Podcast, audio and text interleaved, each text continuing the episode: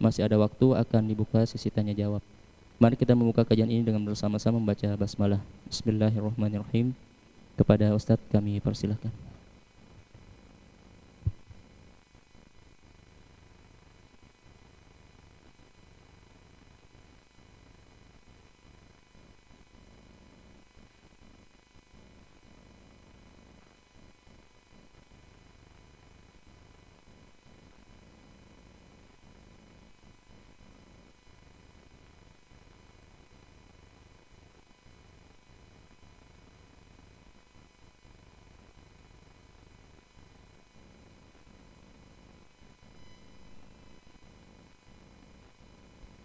بسم الله الرحمن الرحيم السلام عليكم ورحمة الله وبركاته إن الحمد لله نحمده ونستعينه ونستغفره ونعوذ بالله من شرور أنفسنا ومن سيئات أعمالنا ما يهده الله فلا مضل له وما يضلل فلا هادي له أشهد أن لا إله إلا الله وحده لا شريك له وأشهد أن محمدا عبده ورسوله أما بعد Alhamdulillah para hadirin yang saya muliakan Bapak, Ibu-ibu.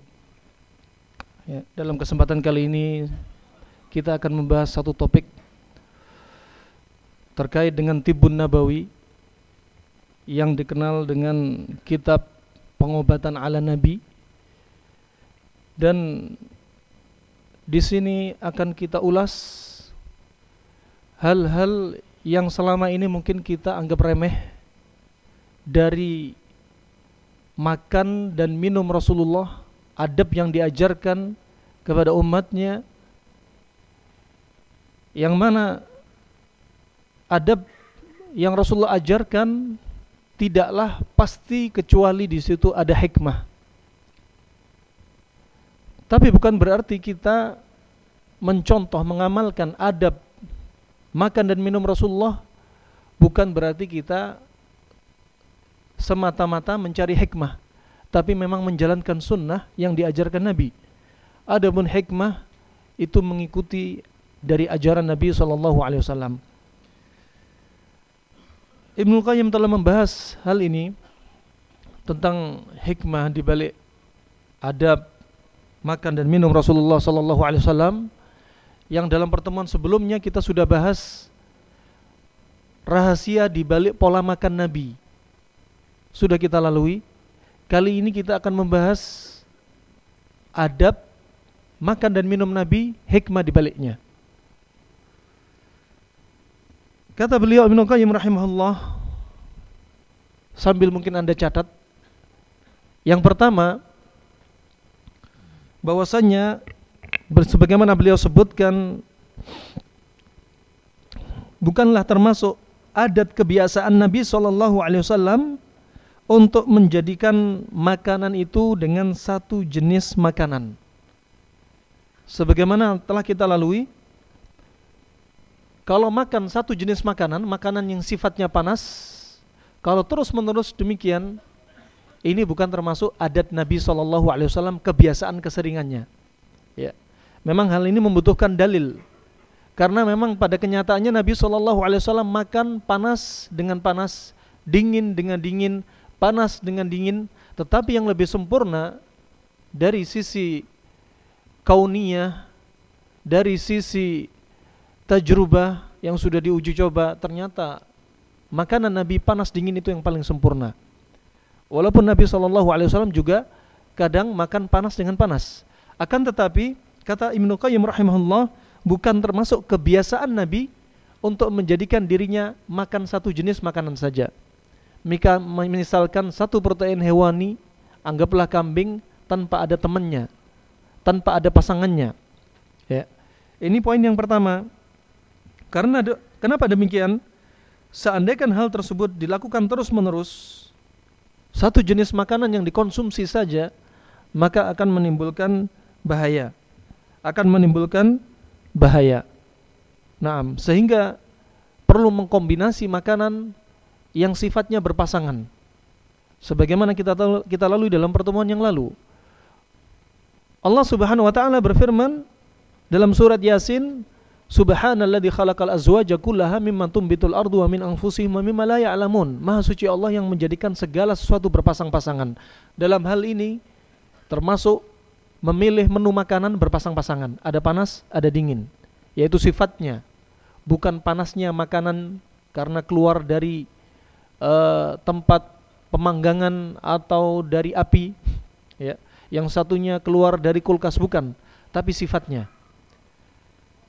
dan Allah Subhanahu wa taala menghalalkan segala sesuatu makanan yang Allah halalkan dan mengharamkan apa yang Allah haramkan. Ya. Allah berfirman, "Al-yauma uhilla lakumut thayyibat."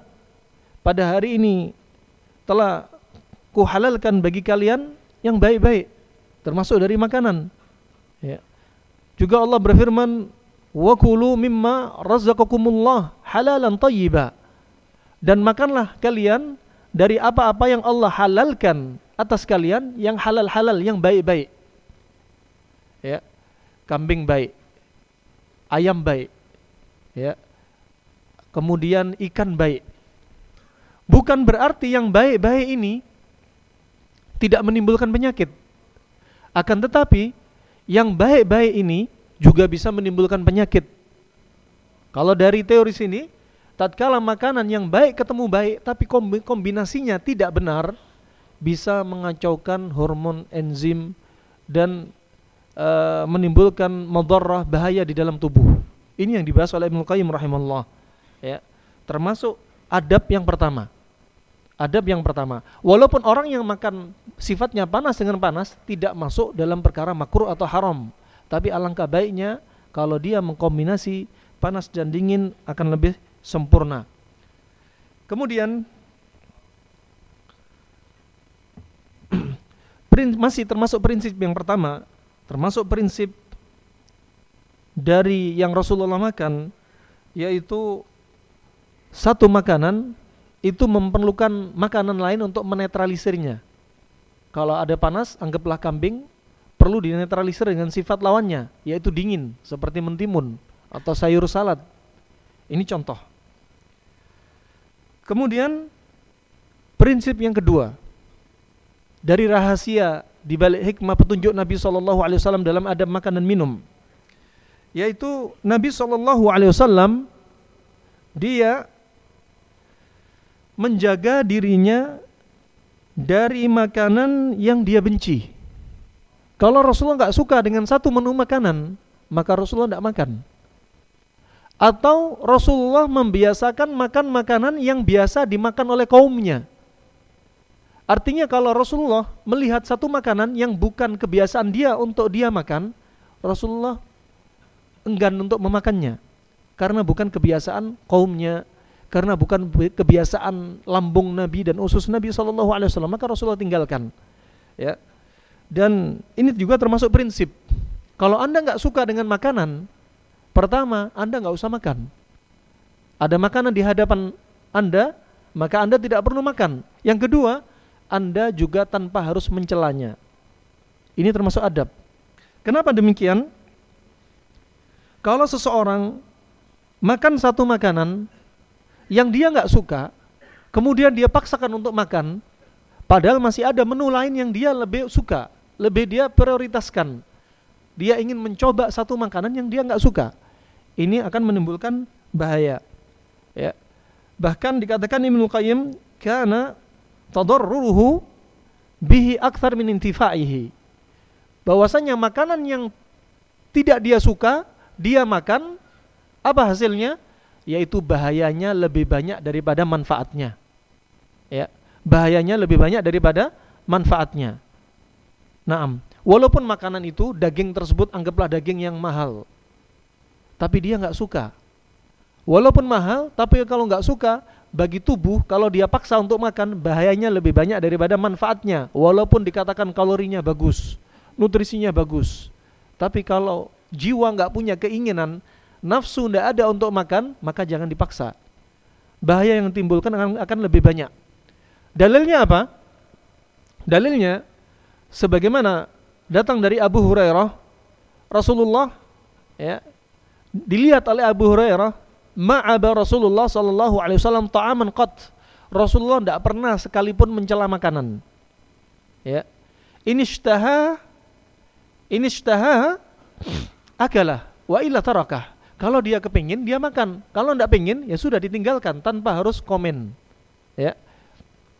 Kemudian dalil yang lebih khusus masih terkait dengan poin kedua, kalau tidak suka jangan dimakan. Dalilnya sebagaimana tatkala Rasulullah Shallallahu Alaihi Wasallam berada di rumah salah satu istrinya yaitu Maimunah radhiyallahu anha, ya waktu itu hadir di rumah Maimunah istri Nabi yaitu Khalid bin Walid dan Ibnu Abbas yang mana Maimunah dari kedua sahabat ini itu adalah bibi dari keduanya bibi dari keduanya sehingga termasuk mahramnya dan waktu itu mereka masuk ke rumah Maimunah, ke rumah bibinya. Dan Rasulullah juga ada di situ. Kemudian Maimunah menghidangkan makanan di hadapan Rasulullah sallallahu alaihi wasallam ya. Ada tiga menu. Menu yang pertama lahmu dhabbin, daging kadal. Tapi kadalnya kadal Arab, panjangnya sekitar satu setengah meter sampai dua setengah meter. Ya. Jangan diartikan sebagaimana kamus sebagian kamus Indonesia mengartikan lahmudhab di sini diartikan daging biawak. Kenapa? Bedanya sudah antara halal dan haram. Daging biawak, ya. Biawak nggak sama dengan kadal Arab, dhab. Biawak punya cakar, punya taring. Makanannya menjijikan. Makan bangkai tikus, makan ular, makan ayam, ya makan termasuk binatang buas dan makan bangkai maka ini termasuk makanan yang diharamkan hewan yang diharamkan punya cakar taring dan makan bangkai juga demikian ya maka ini masuk kriteria hewan yang diharamkan adapun lahmu dhabbin daging kadal Arab makannya serangga makannya tanam-tanaman herbal ya ini berbeda waktu itu dihidangkan tiga menu daging kadal Arab, al-aqid, keju, dan samen, minyak sapi. Kemudian Rasulullah Shallallahu Alaihi Wasallam tentunya penasaran, daging apa ini? Mahadal laham. Daging apa ini? Ini termasuk apa? Wujud kehati-hatian Rasulullah. Ya. Wujud kehati-hatian Rasulullah Shallallahu Alaihi Wasallam dari perkara makanan yang syubhat, makanan yang haram, dan yang ketiga makanan yang nggak dia suka. Nah, sehingga yang masuk perutnya betul-betul makanan yang Rasulullah pilih. Ima dipilih dari sisi halal haram, ima dipilih dari sisi kesehatannya. Ya. Kemudian Rasulullah ketika dijelaskan ternyata ini adalah daging kadal Arab, Rasulullah enggan untuk makan. Kemudian dua sahabat ini bertanya kepada Rasulullah, ya, ahwa haramun? Apakah daging ini haram? Ya, apakah daging ini haram? Kemudian Rasulullah sallallahu alaihi wasallam berkata, "La walakin lam yakun bi ardi qaumi faajiduni u'afu." Kata Rasulullah, "Ndak, ndak haram. Cuma aku menjaga dari makanan ini." Karena makanan ini enggak dimakan oleh kaumku, kaum Quraisy enggak makan makanan seperti ini. Sehingga apa? Merasa jijik. Ya, kalau jijik, kalau enggak nafsu, enggak dimakan. Ya, hadis ini diriwayatkan sebagaimana uh, oleh Imam Al-Bukhari dan Imam Muslim. Para hadirin, ini poin yang kedua. Poin yang kedua, kalau makan tidak suka jangan dimakan. Kenapa? Kalau seseorang makan satu makanan yang nggak disuka, apa yang terjadi? Akan timbul refleks dari lambung, dari usus untuk memuntahkan makanan tersebut. Kemungkinan kedua, akan menimbulkan reaksi alergik sehingga timbul apa? Sering buang air. Atau timbul apa? Timbul gatal-gatal. Ya. Ini yang ditimbulkan sehingga mengacaukan hormon enzim dan lain sebagainya. Antara keinginan dan organ sudah nggak sama, sudah nggak sejalan. Sehingga apa? Bahaya yang ditimbulkan lebih banyak daripada manfaatnya. Ya, ini masih poin kedua. Faedah yang diambil dari hadis ini pula ya, bahwasanya disebutkan di situ Maimunah menyajikan hidangan makanan di atas Al-Maidah. Apa itu Al-Maidah? Meja hidangan. Sekarang kita perlu tahu, mencontoh Rasulullah, bagaimana sih meja hidangan Rasulullah? Apakah seperti meja kita makan, punya empat kaki, ada kursi-kursinya? Tidak. Ternyata, ya, tatkala mereka sebagian sahabat bertanya kepada Anas bin Malik, karena Anas bin Malik termasuk apa? Pembantunya Rasulullah, 10 tahun menservis Rasulullah sallallahu alaihi wasallam. Ya. Kata Anas bin Malik, Fakai, uh, tatkala mereka bertanya kepada Anas, "Fakaifa kana maidatun Nabi sallallahu alaihi wasallam?" Bagaimana meja hidangan Nabi sallallahu alaihi wasallam? Kemudian kata Anas bin Malik, "Wa kana maidatuhu sufrah." Meja hidangan Nabi adalah sufrah. Apa itu sufrah? Sufrah tersusun dari kalimat sin, dari kalimat sin fa ra dan ditambahi tak marbutoh. Hampir sama dengan safar, sufrah. Ini menunjukkan bahwasanya sufroh ya, di masa lalu dibikin dari kulit hewan, kemudian ditadbik, dilapisi, mana kulit hewan ini biar nggak najis, ya. Jadi dilapisi, dicampur mungkin dengan daun bidara dan lain sebagainya, dijemur dan sebagainya sampai akhirnya jadi suci. Kemudian kering. Ya, dan ini pengalas untuk makanan mau meletakkan roti, meletakkan daging di atasnya kulit yang sudah dikeringkan. Ini namanya sufra. Kenapa dinamakan sufra? Karena kulit ini dibawa ke mana-mana di atas binatang tunggangan ya Rasulullah atau sahabat yang hidup di masa lalu ya diletakkan di samping tunggangannya untuk apa? Kalau makan tinggal menghamparkan. Ketika safar ke mana-mana sudah siap sehingga dinamakan sufroh. Faedah yang pertama, ya ini menunjukkan bahwasanya ajaran Nabi dalam perkara dunianya, dalam perkara lebih-lebih perkara akhiratnya, Nabi selalu mengajarkan selalu setiap hal itu di tengah. Khairul amr awsatuha, sebaik-baik perkara di tengah. Bainal ghali wal jafi, bainal ifrat wa tafrid, antara ekstrem kanan, antara ekstrem kiri. Dalam masalah keimanan, dalam masalah fikih, dalam masalah makan, dalam masalah tidurnya, dalam segala hal. Dalam perkara ini ketika makan, Rasulullah tidak pakai meja tinggi disebutkan Anas bin Malik wa kana Nabi sallallahu alaihi wasallam lam ya'kul ala uh, alal alal khawanil murtafi'ah. Nabi enggak pernah makan di atas meja yang tinggi. Apa katanya? Ini menunjukkan antara ekstrem kanan ekstrem kiri. Rasulullah tidak ekstrem kanan, mejanya tinggi sekali. Pakai kursi dan meja tinggi. Kemudian Rasulullah juga nggak ekstrem kiri. Makan roti dagingnya langsung dihamparkan di atas lantai. Tapi ada pengalasnya antara ekstrem kanan, antara ekstrem kiri. Ini contoh. Ya. Dalam hadis ini juga ada faedah. Kebiasaan Rasulullah kalau makan, makannya berjamaah. Nggak makan sendirian. Ya. Ini termasuk sunnah. Hidupkan di dalam keluarga Anda. Kalau anak Anda berangkat sekolah, jangan biarkan kaum ibu menyiapkan anak-anak sendirian, di piring sendiri. Bapak-bapak di piring sendiri. Tapi biarkan makan nampan ya. Kalau di zaman kita sufroh ini anggaplah nampan atau kalau ketika anda haji dan umroh anda akan dapati sufroh plastik yang dihamparkan panjang itu namanya sufroh sekitar 20 meter, 30 meter, 50 meter diletakkan di atasnya makanan ya. Itu namanya sufroh ya. Kemudian apa?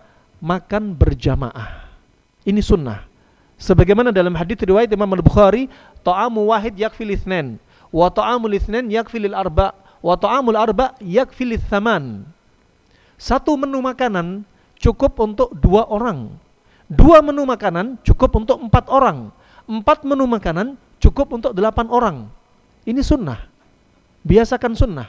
Dengan Anda makan berjamaah, baik keluarga Anda atau dengan teman Anda, bapak ibu Anda berjamaah, yang didapati Anda dapat pahala sunnah, yang didapati yaitu timbul kedekatan antara orang yang makan berjamaah ya yang didapati apa akan lebih terkontrol kondisi makan Anda, tidak tamak, tidak rakus. Ya, karena persaingan ketat dalam makan berjamaah. Nah, kemudian termasuk apa? Ketika makan berjamaah disunnahkan juga Anda ketika makan untuk saling berbicara. Tidak diem-dieman. Kalau kita diajari bapak ibu kita, nenek moyang kita, ndak ilok kalau makan sambil berbicara Padahal apa? Sunnahnya kalau kita makan untuk berbicara. Nabi Wasallam ketika makan bersama istrinya selalu mengajak bicara. Hal indaki hal, apakah anti kamu wahai istriku ada cuka? Tolong carikan cuka. Diajak ngobrol. Ya, ini termasuk sunnah. Adapun orang-orang Yahudi, ajaran mereka kalau makan tidak boleh berbicara. Kita dapat pahala sunnah plus kita menyelisih orang-orang kufar, orang-orang non muslim sehingga dicatat pahala di situ. Ya. Naam. Rasulullah Shallallahu alaihi wasallam pernah nah, dalam satu momen ketika di kota Makkah tatkala Rasulullah Shallallahu alaihi wasallam diajak oleh orang-orang ahlul Makkah untuk makan satu piring satu orang, Rasulullah menolak. Rasulullah melihat ada segerombolan manusia dari negeri Yaman makannya satu piring berjamaah sampai 10 orang. Sehingga Rasulullah tidak mau makan satu piring sendirian. Tapi Rasulullah memilih makan satu piring berjamaah. Ya. Keberkahan ada di situ. Ya. Disebutkan juga juga wa kana Nabi sallallahu alaihi wasallam ya la yakul ala sahn as-saghir. Ya. Rasulullah tidak makan piring pakai piring kecil, tapi piring besar yang bisa untuk makan berjamaah. Ya. Ini faedah dalam hadis Maimunah radhiyallahu anha tentang poin kedua dari adab makan dan minum Nabi Shallallahu Alaihi Wasallam. Kemudian poin yang ketiga adalah Nabi Shallallahu Alaihi Wasallam mencintai atau menyukai daging. Dan daging yang paling disukai Rasulullah Shallallahu Alaihi Wasallam adalah lahmud dira, yaitu lengan, daging yang ada di lengan, terutama lengan bagian depan. Lengan hewan bagian depan ya. Terutama daging lengan kambing. Ini yang paling disukai Rasulullah sallallahu alaihi wasallam ya. Oleh karena itu wanita Yahudi ketika memberikan hadiah kepada Rasulullah sama lengan kambing depan dikucuri racun. Nabi sangat suka dengan daging ini ya bagian depan ini. Sehingga beberapa sahabat di antaranya ada sahabat yang satu sampai meninggal karena makan daging yang sudah diracuni. Dan sahabat yang lainnya tidak sampai meninggal. Sahabat yang meninggal ini setelah diteliti oleh dokter di kalangan uh, man, uh, dokter yang hidup di masa Nabi SAW dilihat ternyata gara-gara racun wanita Yahudia ini, ya, pembuluh aorta, pembuluh darah yang ada di jantung pecah Adapun Nabi Shallallahu Alaihi Wasallam sama sekali tidak merasakan efek racun, karena malaikat Jibril sudah memberita, memberitahukan ada racun di situ, dan Allah menghendaki racun tersebut tidak berefek sama sekali kepada Nabi Shallallahu Alaihi Wasallam.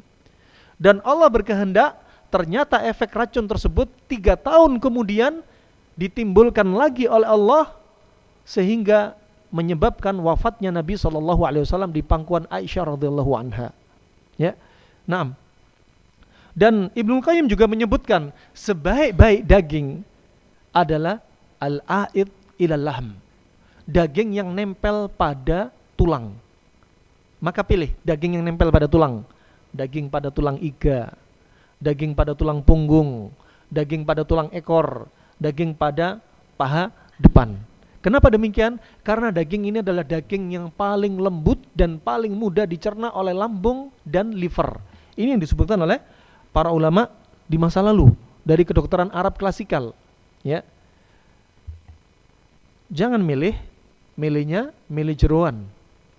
Milihnya milih kepala.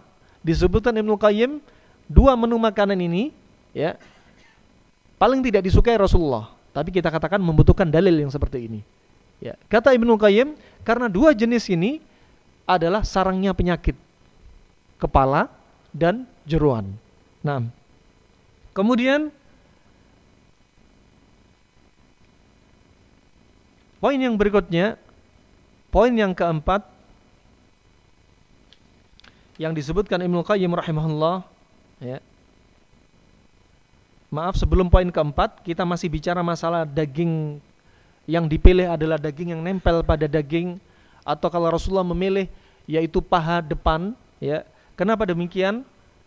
Karena ada tiga sisi yang positif. Yang pertama, karena daging paha depan itu lembut dan bagi Ibnu Qayyim dia melihat manfaatnya sangat banyak dan menimbulkan kekuatan pada tubuh. Manfaat yang kedua yaitu uh, daging tersebut lebih ringan untuk dicerna ya dari lambung sampai alat-alat pencernaan. Yang ketiga, bahwasanya daging tersebut sangat cepat sekali untuk dimetabolisme. Ya, ini yang disebutkan Ibnu Qayyim rahimahullah. Ini tiga poin yang pertama. Poin yang keempat yang bisa kita ambil hikmahnya dari pola atau adab Nabi Shallallahu Alaihi Wasallam makan dan minum adalah bahwasanya Rasulullah Shallallahu Alaihi Wasallam mencintai atau menyukai al halwa. Al halwa itu manisan, yang manis-manis. Dan al asal dan madu.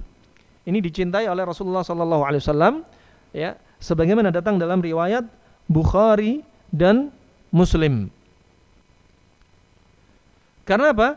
Karena hal tersebut sangat bagus sekali, sangat bermanfaat untuk liver dan organ-organ tubuh. Termasuk Rasulullah menyukai yang manis-manis yaitu kurma. Ya, termasuk buah yang paling manis. Buah yang vitaminnya paling lengkap kecuali dua vitamin yang tidak terkandung di dalam kurma. Nabi Shallallahu Alaihi Wasallam kadang makan kurma dengan yogurt, ya. Kadang Rasulullah Shallallahu Alaihi Wasallam makan kurma dengan timun. Kadang Rasulullah makan kurma dengan semangka, ya. Dan ini menunjukkan apa? Sifat yang berlawanan, panas, dingin, panas dan dingin.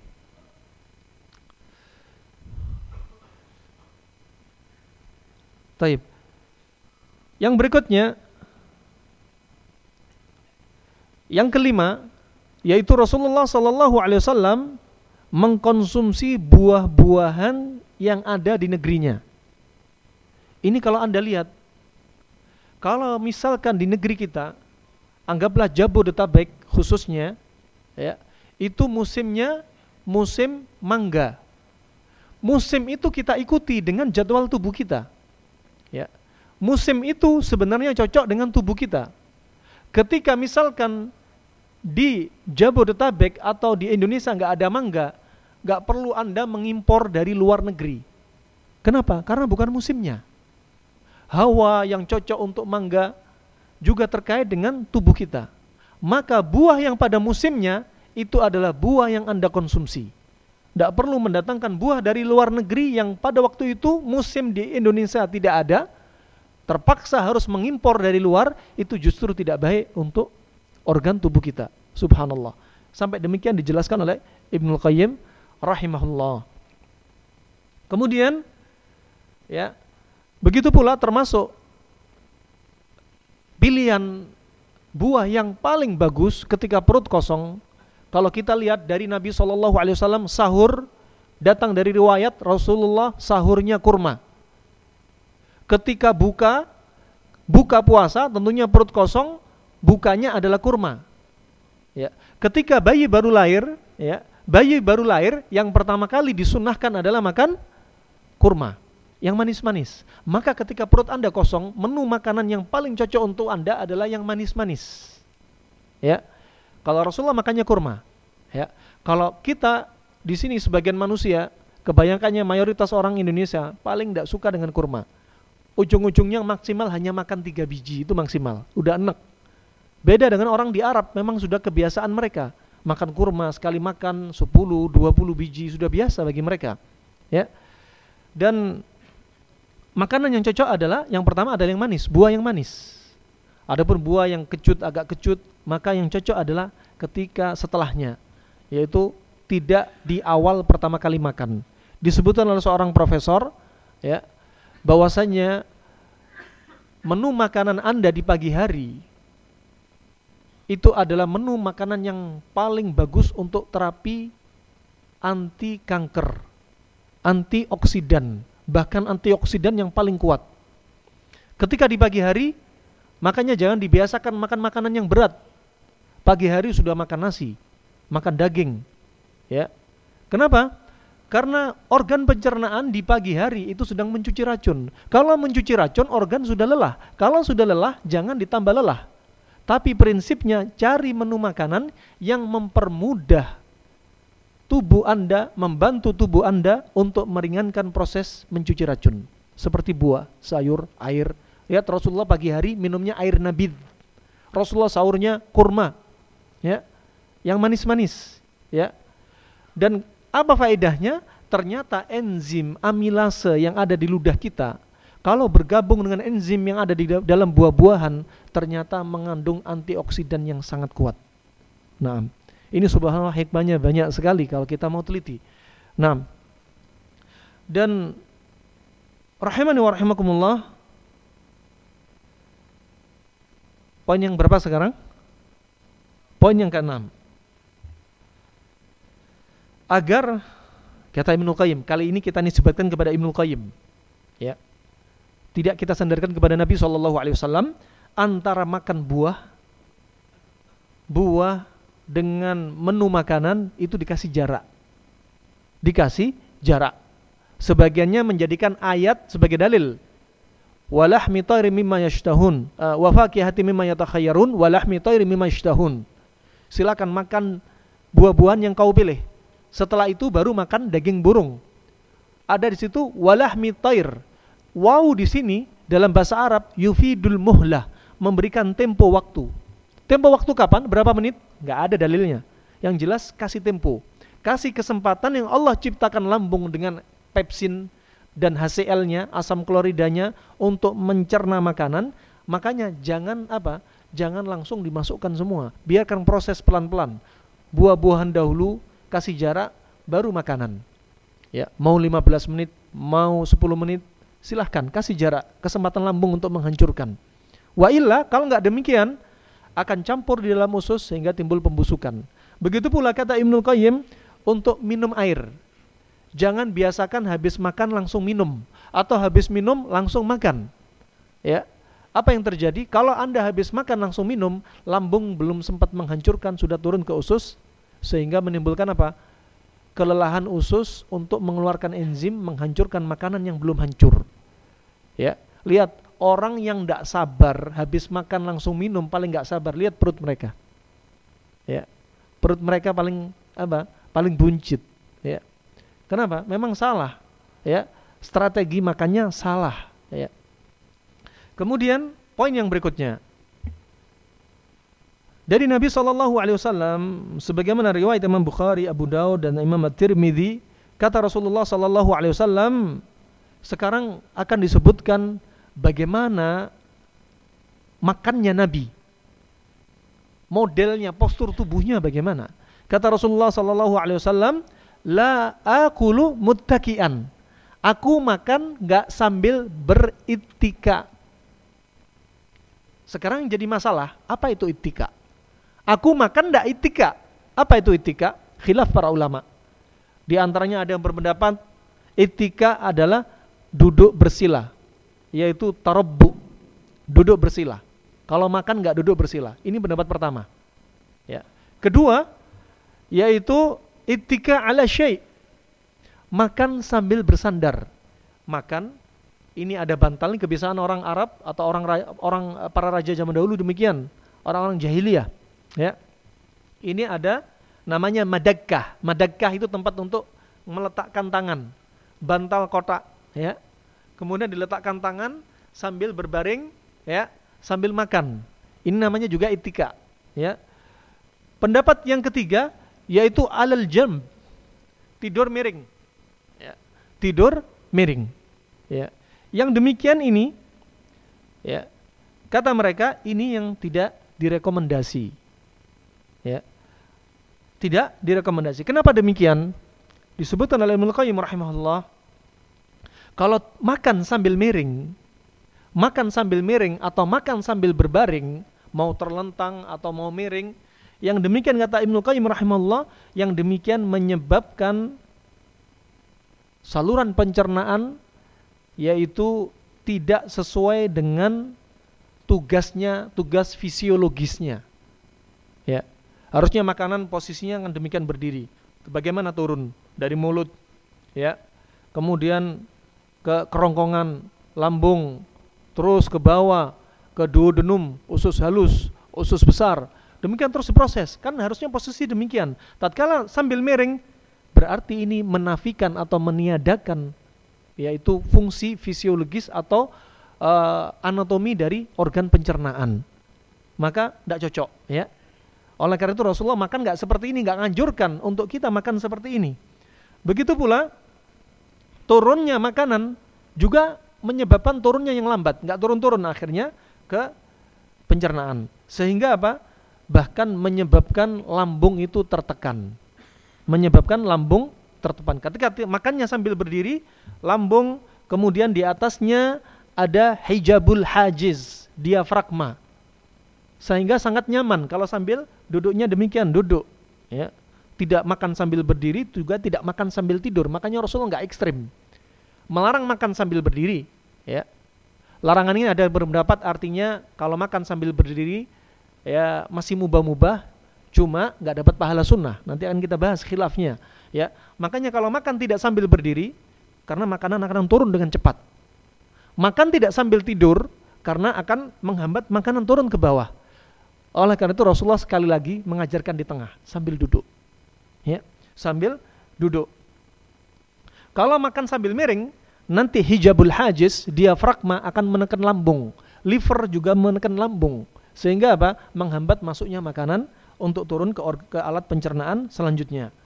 Kemudian juga tidak makan sambil menggunakan bantal bertelekan. Ini adalah kebiasaan orang-orang sombong, yaitu kebiasaan para raja yang menafikan al-ubudiyah. Menafikan apa? Penghambaan seorang manusia kepada Allah. Karena sifat sombongnya dia, sifat sombongnya dia. Kemudian disebutkan dalam hadis yang sahih pula bahwasanya sebagaimana diriwayatkan oleh Imam Muslim dari Anas bin Malik, raaitu Nabiya sallallahu alaihi wasallam muqiyan ya'kulu tamran. Aku melihat Nabi sallallahu alaihi wasallam muqayyan. Duduknya muqayyan, muqi, ya. Sekarang kita praktekkan ya. Bagaimana posisi makan duduknya Nabi sallallahu alaihi wasallam? Kita mungkin sambil dilihat.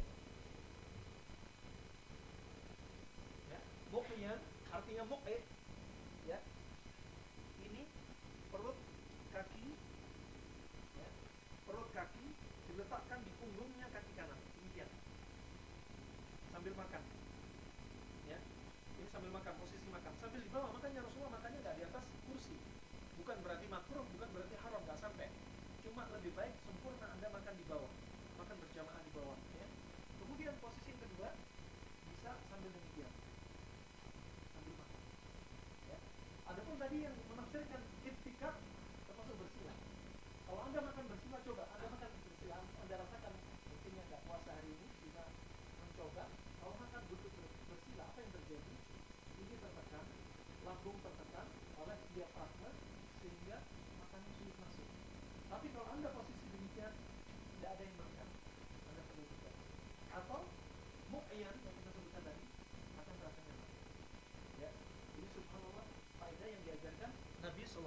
Alaihi Wasallam. Ya.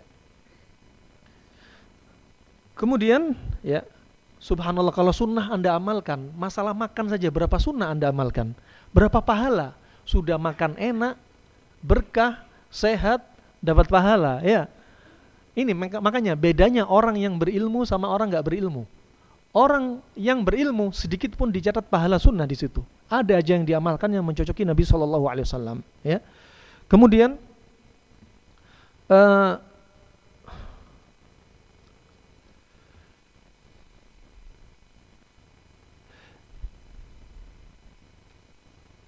poin yang berikutnya, poin keberapa? Delapan, Masya Allah. Poin yang ke delapan.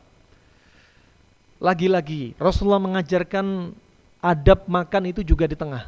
Rasulullah kalau makan, pakai berapa jari? Pakai tiga jari. Sebagaimana datang dari riwayat Imam Muslim bahwasanya Rasulullah kalau makan pakai tiga jari. Ini tiga jari. Kalau tidak mampu, jari ini bisa untuk membantu. Ya, tiga jari. Kalau nggak mampu, ini membantu. Ya. Kemudian ini menunjukkan tiga jari, bilangan tengah-tengah. Rasulullah kalau makan nggak pakai lima jari, makan pakai lima jari, susah. Makanan jatuh. Lo kita dapati di Arab, mau di Saudi ya, Mamlaka Saudi ya, ya, atau di Yaman kita dapati dengan mata kepala. Mereka sebagian mereka orang Arab sendiri yang padahal Nabi diutus di sana, ya. Mereka juga nggak bisa, kadang praktek makan pakai tiga jari nggak bisa. Justru orang Indonesia lebih terampil. Ya, makan kita lihat di depan kita nih, satu piring nih, satu piring berapa orang? Makan itu masuk kayak gini. Makanan jatuh-jatuh, ya. Ini apa? Ekstrim kanan. Yang ekstrim kiri makan pakai satu jari atau dua jari. Ini kebiasaan orang-orang yang sombong, seperti kebiasaan para raja, menghinakan makanan. Adapun orang yang ekstrim kanan makan pakai lima jari. Ya, masuk ke mulut susah, jatuh-jatuh lagi ya antri masuk ke mulut juga jatuh-jatuh. Rasulullah makan bagaimana mengajarkan tiga jari. Ajaran Rasulullah coba. Ya. Nah, dan tentunya ya ini juga apa? memungkinkan makanan yang masuk ke dalam mulut dan alat pencernaan itu sedikit-sedikit dan pelan-pelan dan dikunyah dengan halus. Dikunyah dengan halus. Makanya kalau makan berjamaah sambil ngobrol, sambil ngunyah, tidak tergesa-gesa ya. Dikunyah sampai betul-betul lembut sambil ngobrol ya. Sambil nanti timbul kedekatan antara dia dengan saudaranya ya. Dia dengan familinya dan begitu seterusnya. Dan juga kalau makan ya gunakan tangan kanan. Jangan kalau makan pakai tangan kanan, kalau minum pakai tangan kiri. Alasannya tangan kanannya kotor. Ya. Ini yang jadi masalah, ya. Tangan kotor nggak jadi alasan. Jadikan alasan kalau nyelisih sunnah kita dapat azab. Ya. Tetap minum pakai tangan kiri juga. Ya. Makan eh, tangan kanan. Kalau makan juga pakai tangan kanan. Tangan kiri nggak usah dipakai. Tangan kiri untuk bersih-bersih yang najis-najis. Yang kanan untuk yang bersih-bersih. Ya. Begitu pula bagaimana kalau masuk kamar mandi, kaki kiri dahulu. Bagaimana masuk masjid, kanan dulu. Kanan digunakan yang baik-baik. Ya. Pernah ada seorang lelaki di hadapan Rasulullah, dia makan pakai tangan kiri. Kemudian Rasulullah nasihatin dia, ini Rasulullah hidup di zamannya, orang ini ada ngelihat bagaimana wujudnya Rasulullah. Ya.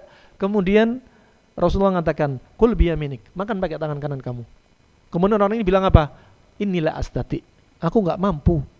Kemudian apa kata Rasulullah? Idan la abada. Kalau gitu selamanya kamu nggak akan mampu. Setelah itu dia lumpuh tangan kanannya sampai matinya. Ini menyelisih sunnah.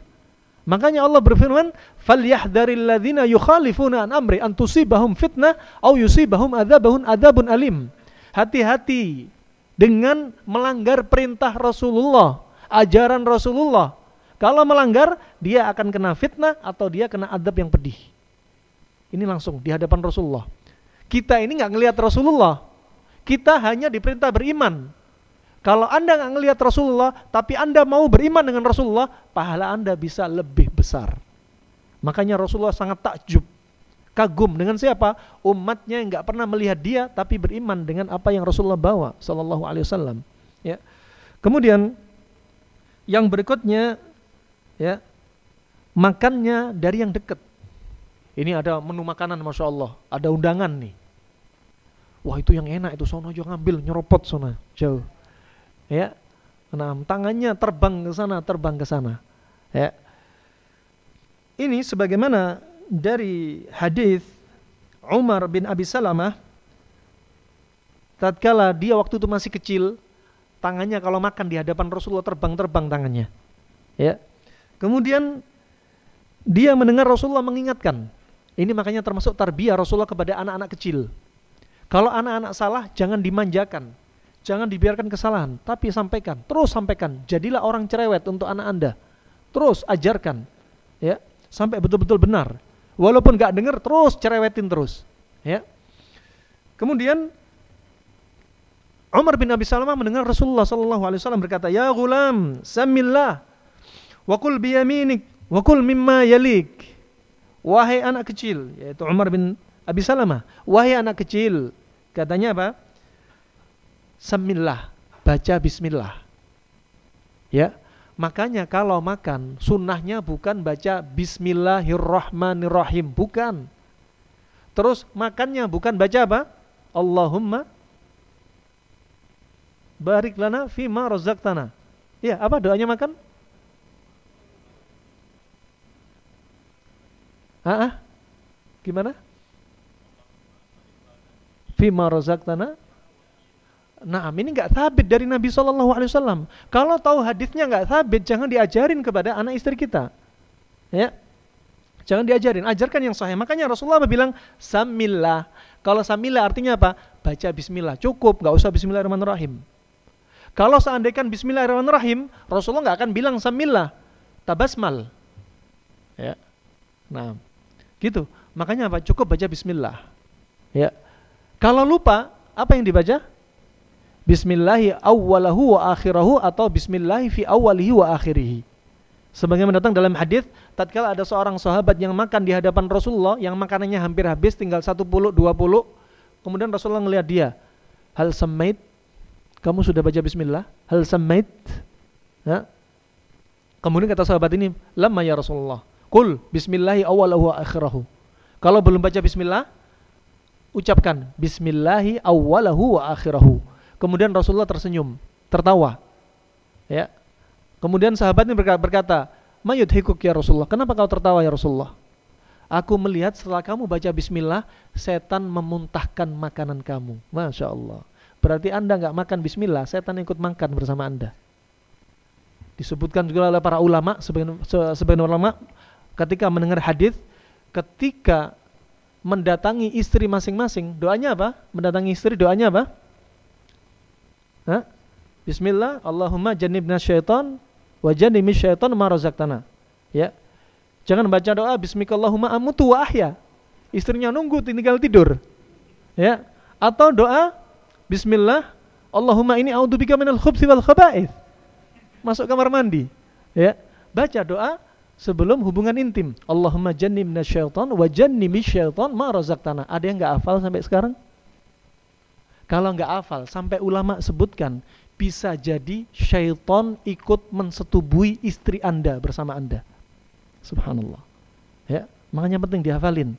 Kalau disebutkan oleh Rasulullah, orang yang membaca doa ini ketika anak dilahirkan la yadurruhu asyaiton. Syaitan nggak akan menggoda dia ketika dia lahir. Ulama sebagian menyebutkan ya maksudnya adalah setan nggak akan menyesatkan dia setelah dia lahir. Ada yang menyebutkan setan tidak mengganggu dia ketika dia lahir. Ya. Kalau ketika bayi lahir, bayinya sama dokternya dibalik, dicewit biar nangis untuk ngetes, ini bukan dokternya setan. Bukan. Maksudnya setan yaitu setan yang ganggu dia ketika baru lahir. Ya. Kemudian uh, kata Rasulullah kepada anak ini, ya, ya gulam samillah, baca bismillah. Ya. Wakul biyaminik. Ya, makan pakai tangan kanan kamu dan makan dari yang terdekat. Jangan tangannya terbang ke mana mana Ya. Naam. Hadis ini muttafaqun alaih, muttafaqun alaih. Naam. Kemudian yang keberapa sekarang? Naam. Yang kesembilan. Nabi Wasallam suka mencampur minuman imma dengan kurma, air nabid. Ya, kalau orang nyebutnya sekarang apa? Infusion water ya. Sebenarnya itu fermentasi. Ya, air kur kurma dimasukkan ke dalam air. Ya, dimasukkan ke dalam air malamnya, pagi harinya itu diminum. Ini fermentasi. Ya, ada infusi dari yang kepekatan tinggi ke kepekatan yang rendah. Dari kurma campur dengan air. Ya. Kenapa pakai air nabit? Karena di pagi hari ketika perut kosong paling bagus apa? Minum apa yang manis-manis. Kedua, ini yang jadi tanbih. Sebagian orang mengira baik di pagi hari itu minum air hangat. Justru sunnah yang diajarkan Rasulullah air dingin. Bukan air hangat. Air dingin. Dan di sini dicampur kadang kurma, kadang dicampur dengan madu. Ya, yang demikian ini untuk apa? Untuk detox, mencuci racun dalam tubuh, usus dan uh, saluran perkemihan. Ya, bahkan peredaran dalam peredaran darah. Disebutkan cara ini untuk apa? Untuk membersihkan dahak-dahak dari saluran pernafasan. Ya. Kemudian untuk membersihkan lendir di dalam lambung. Kemudian juga untuk uh, menghilangkan al-fadalat, sisa-sisa makanan, mencuci sisa-sisa makanan, bahkan juga untuk apa? membuka eh, pori-pori, uh, membuka pori-pori. Poin yang berikutnya, bahwasanya ya masih maaf masih poin yang ini bahwasanya Rasulullah sukanya apa? Minumannya dingin dan manis. Ya. Hadis ini diriwayatkan oleh Imam At-Tirmidzi. Ya, oleh At-Tirmidzi bahwasanya Rasulullah suka dingin dan manis. Bukan kalau pagi hari sebagaimana yang difahami kaum muslimin yang mereka amalkan pagi hari bangun tidur pakai air hangat dikucuri jeruk nipis. Salah. Jeruk nipis kecut, bukan manis. Ya. Kemudian airnya hangat. Sini yang datang dari Rasulullah air dingin sama yang manis. Dingin campur madu atau dingin campur kurma. Ya. Ini datang dalam riwayat At-Tirmidzi dan riwayat Al-Hakim dan Abu Syekh dan sanatnya adalah sahih. Ya, sanatnya sahih. Dalilnya pula bahwasanya pernah Nabi wasallam ya, mana yang lebih manfaat, air panas atau air dingin? Rasulullah lebih suka air dingin. Ya, tatkala Rasulullah Shallallahu Alaihi Wasallam telah masuk ke pintu rumahnya Abul Haytham bin Taihan, seorang sahabat, Rasulullah bertanya kepada sahabat ini, hal min ma'in ba'itin? Hal, min ma'in bata fi apakah kamu punya air yang sudah diinapkan sudah dibiarkan semalaman di dalam syannah syannah itu uh, kulit hewan yang sudah disucikan sudah dilapisi ya kemudian air disimpan di situ. Ini lebih sempurna dibanding air disimpan di tembikar dari tanah liat atau dari batu-batuan. Yang sempurna adalah dari kulit hewan. Makanya di masa lalu orang-orang kalau safar pakai wadah bejana air untuk dalam perjalanan itu dari kulit hewan. Itu lebih sempurna. Juga ada al-masam, ada pori-pori di antara kulit sehingga terjadi proses difusi osmosis. Ya, makanya kalau anda pernah dengar terapi minum air dingin di pagi hari menyembuhkan 25 penyakit. Air ditaruh di botol, ditutup, ditaruh di luar, diembun-embunkan. Ya, seperti demikian. Ya. Dan Rasulullah mencari yang dicari adalah air dingin, bukan air hangat, bukan air panas. Ya, air dingin. Ya.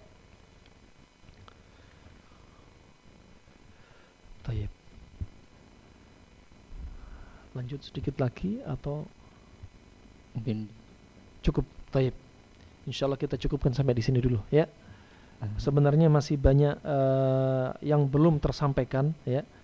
Kita katakan baru separuh lah yang sudah tersampaikan ya. Berapa poin? 10 poin. Semoga berikutnya bisa kita lanjutkan di lain kesempatan ya. Episode kedua. Ada pertanyaan? Nah, nah baik. Jazakallahu khairan kesan kepada Ustadz. Ini ada beberapa pertanyaan tapi untuk uh, pertanyaan yang terpilih Bagaimana tibun nabawi untuk anak kecil, terlebih anak kecil yang tidak suka makan sayuran? anak kecil yang tidak suka makan sayuran, ya. Anak kecil makan sayuran, ya, walaupun masih satu tahun pun tidak membahayakan dia, walaupun sayuran itu mentah, tentunya dibersihkan dengan cara yang benar.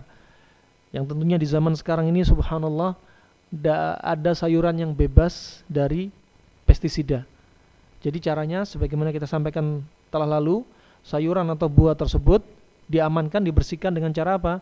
Air satu liter dikasih dengan diberikan di atasnya cuka 2 sendok. Cuka 2 sendok. Cukanya bukan cuka dapur tapi cuka alami. Mau cuka apel, mau cuka kelapa, mau cuka kurma silahkan. Ya, direndam sekitar 15 menit kemudian dicuci dan dikonsumsi. Ya, untuk anak-anak yang kurang suka dengan sayur, ya, wallahu taala alam ya caranya bisa menggabungkan panas dingin saja kasih dia lauk yang dia suka anggaplah ayam ayam ini sifatnya panas kasih dengan pasangannya sayuran. Anggaplah sayuran yang paling ringan, paling disuka, paling selamat, satu sayuran saja, nggak usah divariasi terlalu banyak. Anggaplah timun saja. Cukup ayam ayam sama timun. Ayam itu panas, timun itu dingin. Coba dengan mengkondisikan seperti ini. Setelah lama-lama dia suka sayuran, tambahi tomat. Tambahin berikutnya ya mau pokcoy, mau sawi, mau yang lainnya ya, dikucuri minyak zaitun ya, lebih enak lagi untuk menambah nafsu makan. Nah, tinggal masalah strategi aja. Dimulai dari yang paling ringan. Wallahu taala alam bisawab. Nah. Baik, mungkin Taib. cuma cukup sekian, Ustaz. Taib. Nah. sudah? Ya, sudah. Nah, karena waktu sudah melewati ya dari yang dijanjikan ya, maka harap dimaklumi jika ada benarnya dari Allah semata, jika ada salahnya dari keterbatasan ilmu saya, ya. Inti dari disampaikannya ilmu adalah kita semua mengamalkannya. Ya, kita semua mengamalkannya. Kalau anda nggak diamalkan dari ilmu yang anda dapat, Allah akan menuntut anda nanti di yaumul kiamah. Kita menuntut ilmu untuk apa? Untuk mengamalkan. Kalau menuntut ilmu untuk ditinggalkan, Allah akan tuntut dari ilmu yang kita dapat. Tapi bukan berarti kalau gitu nggak usah berilmu lah, nggak usah menuntut ilmu lah, enggak kita wajib mengangkat kebodohan dari dalam diri kita. Ya, itu saja yang bisa saya sampaikan. Semoga bisa mendatangkan keberkahan, keberkahan kesehatan bagi Anda, juga keberkahan pahala sunnah yang dicatat atas Anda dari apa yang Anda praktekkan dalam hal ini adab makan dan minum. Kita tutup dengan doa kafaratul majlis. Subhanakallahumma wa bihamdik asyhadu an la ilaha illa anta astaghfiruka wa atubu ilaik. Wassalamualaikum warahmatullahi wabarakatuh.